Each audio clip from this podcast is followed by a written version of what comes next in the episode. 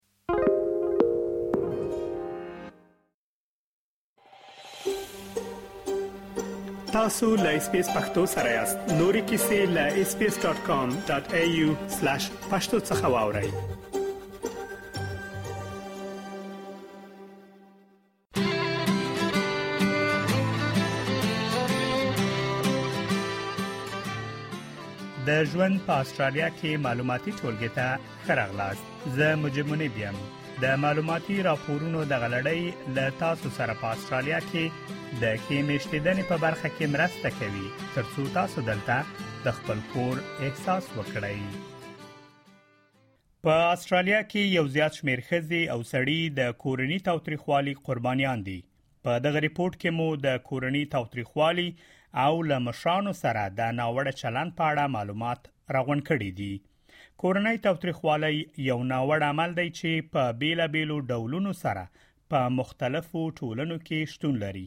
کورنۍ تاوتریخوالی په مختلفو ډولونو سره تعریف شوی دی د استرالیا په ملبون ښار کې د خزو د حقونو مدافع شمیم اکبر کورنۍ توتیخوالی داسې تعریفوي د کورنۍ تاوتریخوالی اصلي معنوي لغوي مطلب یې دا دی هر هغه څوک چې قدرت لري چې طرف مقابل یعنی کنټرول کړي که هغه ښځه یې که سړی یې که یا د فامیل نور غړي هغې ته د کورنی تاوتریخوالی وایي. اغلې اکبر وایي چې په اسټرالیا کې کورنی تاوتریخوالی په بیلا بیلو ډولونو سره شتون لري. د بیلګې په توګه کورنی تاوتریخوالی په ټولنه کې د فزیکي، مالي، ټولنیز او جنسي تاوتریخوالي په ډولونو سره شتون لري. اغلې اکبر زیاتوي چې د کورني تاوتریخوالي ټول ډولونه په اسټرالیا کې د منلو وړ نه دي. کورنی تاوتریخوالی څو قسمه دی یو دا دی چې فزیکل تاوتریخوالی دی چې وهل ټکول دي دویم قسم د فاینانشل وایلنس دی چې یعنی اقتصادي کنټرول دی چې یعنی ځینې سړي ښځو ته پیسې نه ورکوي یا ښځې سړو ته پیسې نه ورکوي او دریم هغه دی چې سوشل وایلنس دی سوشل وایلنس مطلب دا دی چې یعنی څوک نه پریږدي چې د چا سره روابط وساتي یعنی خپل کورنۍ نه جدا کړي نو او څلورم وایلنس چې د هغه سیکشوال وایلنس چې د جنسي اړیکو په ارتباط دی که څوک موافق نه وي نو هغه خپل فرضاً زور نشي زور کولی شي نو دې ته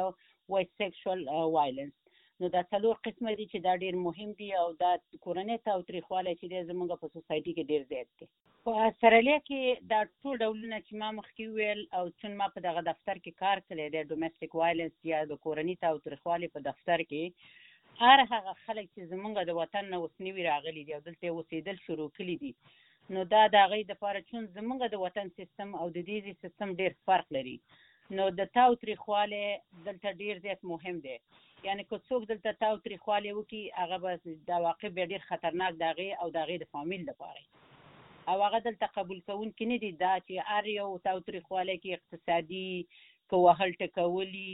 که مو چا سره کنټرولولي دا ټول دلته په دې قانون کې بیخي نشته دی کورنۍ تاوتریخوالی بیلابیلې ناوړه اغیزې لري دا چې کورنۍ تاوتریخوالی په ماشومانو څه ناوړه اغیز لري په دې اړه اغلی اکبر وایي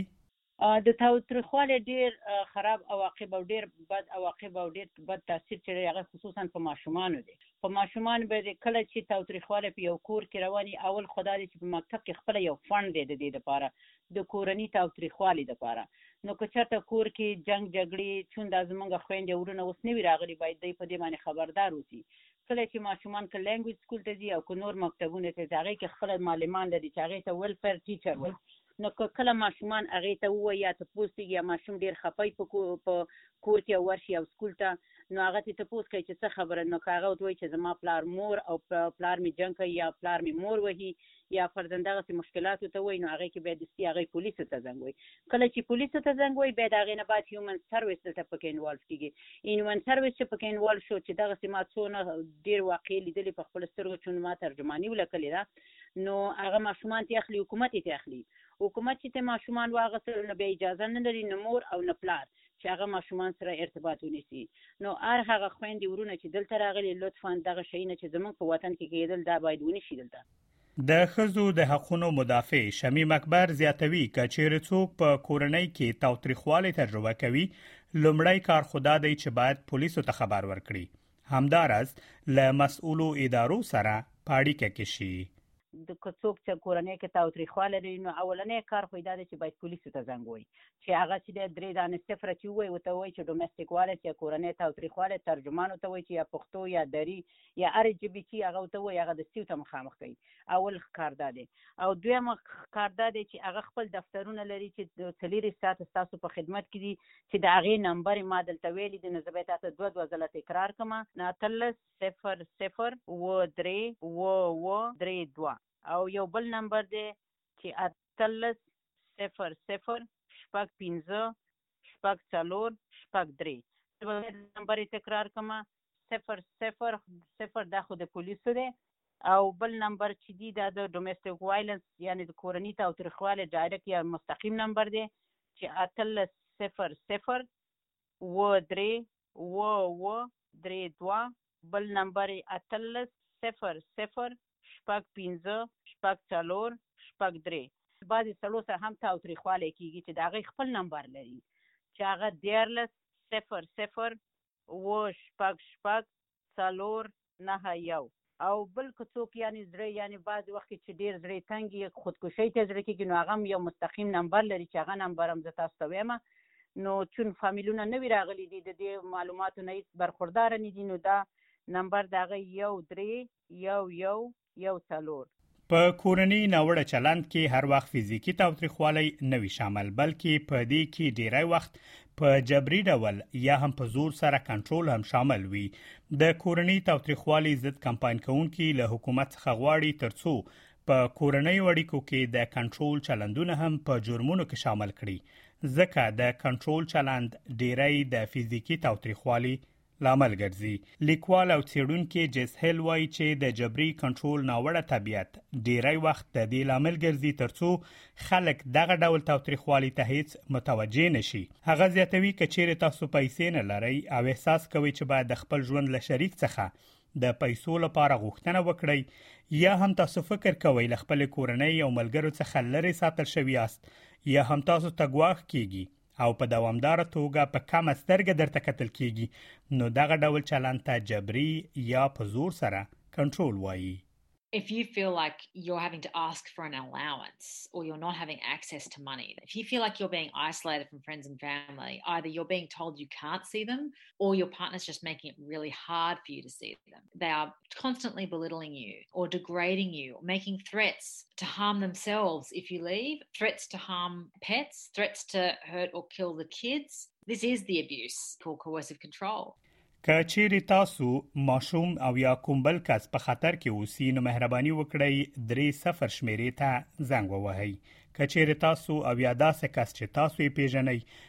کورنۍ تاوتریخوالی تجربه کوي نو د اتلس ریسپیکټ ادارې ته په اتلس سوه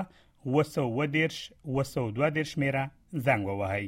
یا له اتلس سوه ریسپیکټ ډاټ اورګ ډاټ ای یو څخه لیدنه وکړئ له ماشومانو سره د مرستې لپاره اتلس سوه اتلس سوه پنځه پنځوس میره ته زنګ ووهئ یا هم kidshelpline.com.au څخه لیدنه وکړئ د هغو نارینه وو د مشورو لپاره چې غوسه لري په اړیکو یا د ماشومانو په روزلو کې ستونزې لري د 1424 میرې ته زنګ ووهئ او یا هم ntv.org.au څخه لیدنه وکړئ همدارس تاسو کولای شئ د لایف لاین ادارې ته په دیارلس یوولس څوارلس شمیره زنګ ووهئ یا هم له lifeline.org.au څخه لیدنه وکړئ د کورنی تاوتریخوالي ترڅنګ له لویانو سره هم په بیلا بیلو ځایونو کې د مختلفو کسانو له خوا ناوړه چلند کیږي مګر څېړنې ښیي چې په استرالیا کې ډیری د کورنۍ غړي له خپل مشرانو سره ناوړه چلند کوي په وکټوريا ایالت کې د لویانو د زورونې د مخنیوي ټولنې مشر ګریګ مینی وایي د دوی د ټولنې لخوا تر سره شوې څېړنې ښیي چې له لویانو سره ډیری ناوړه چلند د نږدې دوستانو لخوا کیږي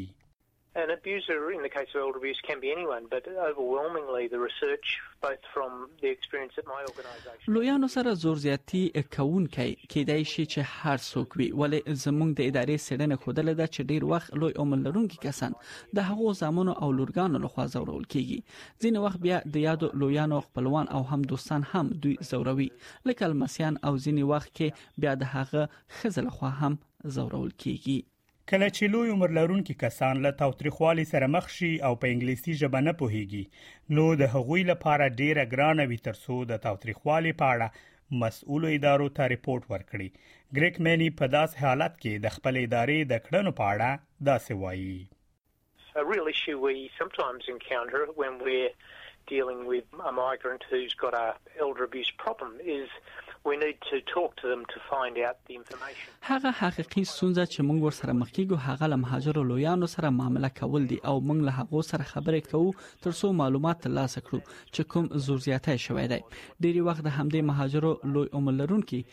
کس خپلوان چې انګلیسي ژبه باندې پوهیږي راځي او ژباړه کوي ول هغه سره چې کومه ستونزه مونږ ګورو هغه دا چې مونږ سل په سلو کې پر دې ډاډه نه یو چې ژباړه به سم کیږي نو هر کله یو خطر وي مونږ تل کوښښ کوو چې به طرفه ژباړونکي ولرو ترڅو ژباړه وکړي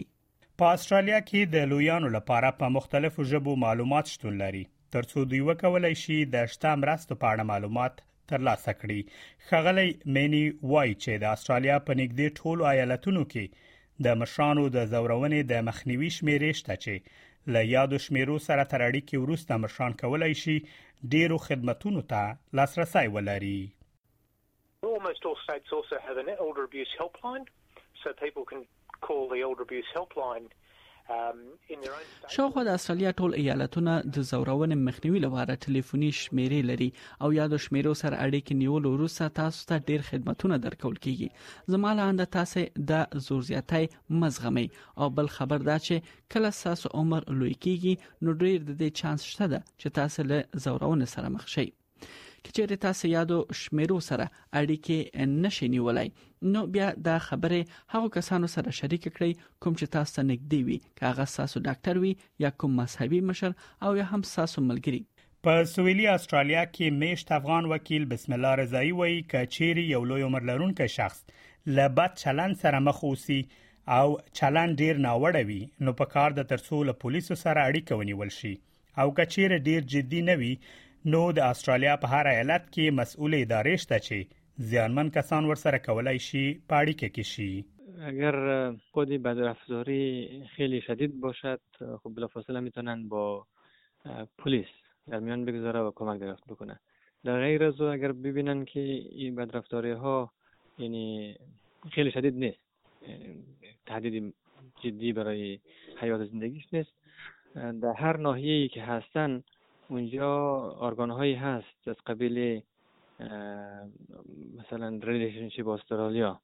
یکی از نمونه هایش هستن که چیرې تاسو یا داسې لوی عمر لرونکی شخص چې تاسو یې پیژنئ له جدي تاوتریخوالي سره مخ اوسي نو مهرباني وکړئ پولیسو ته په درې صفر شمیره زنګ ووهئ که چیرې ستونزه ډیره جدي نه وي نو تاسو کولای شئ 1300 الډر هیلپ ته په 1300 353 340 شمیره زنګ ووهئ یا هم په خپل ایالت کې له لویانو سره د مرستو لپاره مسؤل ادارې ته زنګ ووهئ د لا ډیرو معلوماتو لپاره د My Aged Care ادارې له ویبپاڼې څخه لیدنه وکړئ